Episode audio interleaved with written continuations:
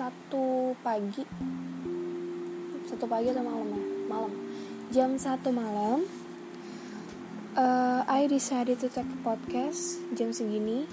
Seperti biasa makhluk nokturnal yang nggak bisa diajak istirahat matanya di jam segini. Uh, jadi saya memutuskan buat merekam podcast. Mungkin ini akan jadi episode paling berantakan paling gak ada alurnya paling random. Karena saya nggak buat naskah ataupun outline kayak biasanya. Pengen ngobrol aja. Jadi kalau nanti banyak diemnya atau omongannya ke mana-mana dimalumin ya. Oke um, apa ya yang pertama? Ini saya akhir-akhir ini lagi suka dengerin radio. Rutinitas yang sempat hilang. Ya karena hmm, yang biasanya di jam-jam dengerin radio tuh sekarang udah ada aktivitasnya. Jadi sempat eh, nggak uh, dengerin radio dalam waktu yang lama. Terus setelah dengerin lagi selain dengerin musiknya saya juga lagi suka dengerin penyiarnya. Apalagi kalau misalnya mereka ngebahas satu topik yang menarik. Kayak beberapa hari kemarin uh, pas saya lagi dengerin radio penyiarnya mengangkat sebuah topik dengan pertanyaan. Pertanyaan itu gini apa hal yang lagi nggak kamu peduliin dari diri kamu? Pertanyaannya bagus ya. Terus uh, bikin saya mikir mikir banget kira-kira apa ya.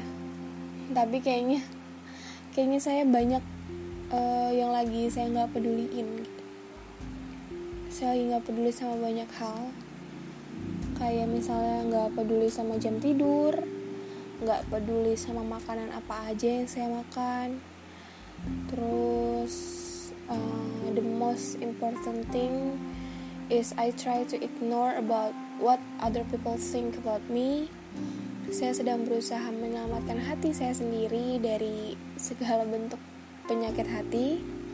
Kayak hmm, ya itu I don't care what they talk about me. I don't care what uh, they're doing. Apalagi kalau misalnya yang itu berpotensi untuk nyakit, nyakitin saya. Jadi ya hmm, biarin aja karena kayaknya mungkin hal-hal yang nggak perlu kita tahu itu yang berpotensi menyakiti kita. Jadi lebih baik jangan dicari tahu. Karena kadang mm, membunuh rasa penasaran lebih baik buat nyelamatin hati diri sendiri. Keren ya. Ya karena bahagia kita urusan kita kan.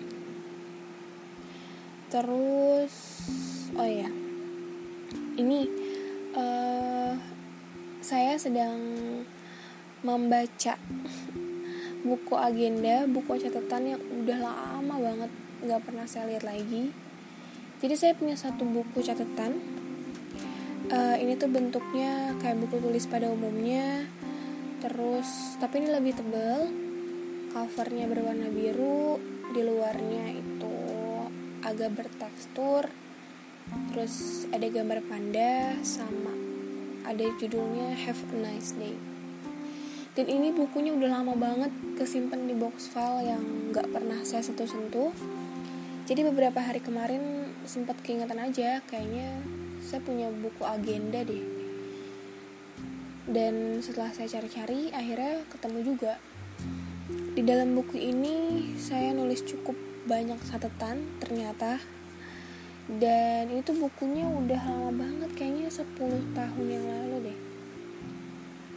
Catatan terakhirnya di sini Januari 2011 iya berarti 10 tahun yang lalu lah ya. Tulisannya berantakan. Ini kayaknya waktu SMP deh. Iya SMP isinya biasa quotes-quotes anak SMP terus kebanyakan curhat sama cerita-cerita pendek saya coba bacain deh ya. Bacain satu tulisan. Di sini uh, tertulisnya Jumat 22 Februari 2011 ada apa ya? Ini tulisannya kecil-kecil banget. Nggak bisa baca tulisan sendiri tapi ya udah coba.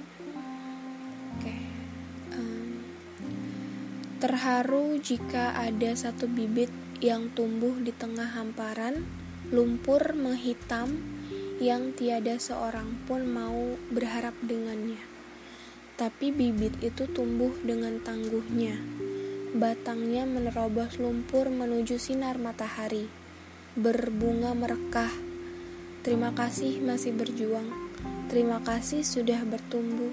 Lotus. Wih, anak SMP so tahu. Kayaknya sejak ini saya jadi suka bunga lotus deh. Iya. Emang lotus itu keren sih. Iya dari lotus uh, saya tahu kalau ternyata ada beberapa hal ada beberapa kondisi di mana menjadi tangguh itu kadang menjadi satu-satunya pilihan. Kayak lotus tadi memang dia tumbuhnya di lumpur. Berarti dia harus tangguh dong tapi kan uh, tangguh itu bukan berarti kita nggak boleh lemah kan. Ini tuh kayak kayak waktunya aja yang bergantian. Jadi tangguh setelah tangguh lemah lagi terus berani lagi atau tangguh lagi gitu. Ya kayak misalnya kalau misalnya kita lagi uh, diterpa badai. Kalau misalnya kita diterpa badai mau mau kamu seprepare apa pun mau kamu ahli ilmu tentang menghadapi uh, badai bagaimanapun tapi kalau badai itu lagi di depan mata kita ya kita tetap aja akan ngerasain semua perasaan takut khawatir sedih. Dan itu nggak apa-apa. Nggak perlu maksa diri buat berpikir kalau semuanya baik-baik aja. Pasti kita akan hanya fokus pada kapan badainya berakhir lain lagi kalau misalnya badannya udah berakhir.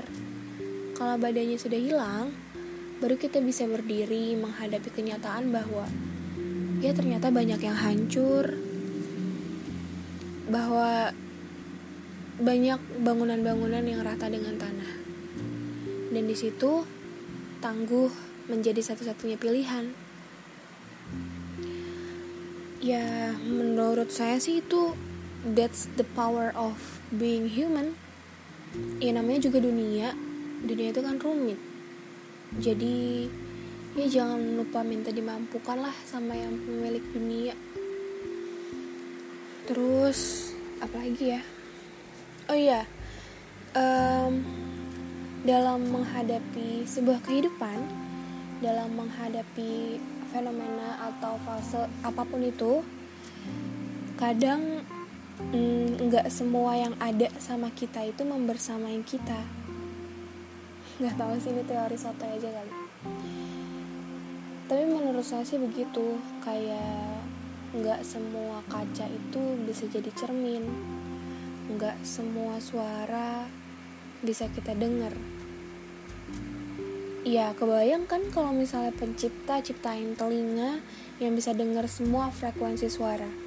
Apa nggak bising saya juga percaya pemilik semesta itu tahu.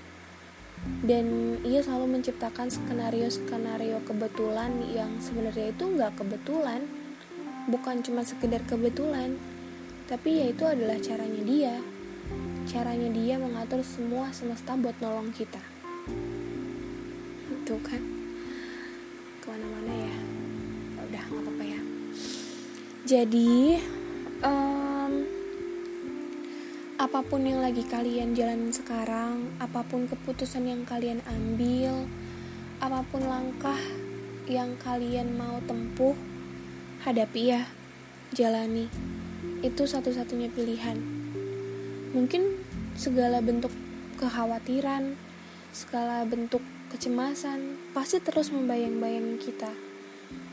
Tapi bisa jadi itu sebenarnya cuma kekhawatiran kosong yang belum tentu kejadian dan bisa jadi kita lupa kita lupa bahwa tadi pemilik semesta itu punya caranya sendiri buat bantu kita. Jadi jangan lupa libatin dia ya.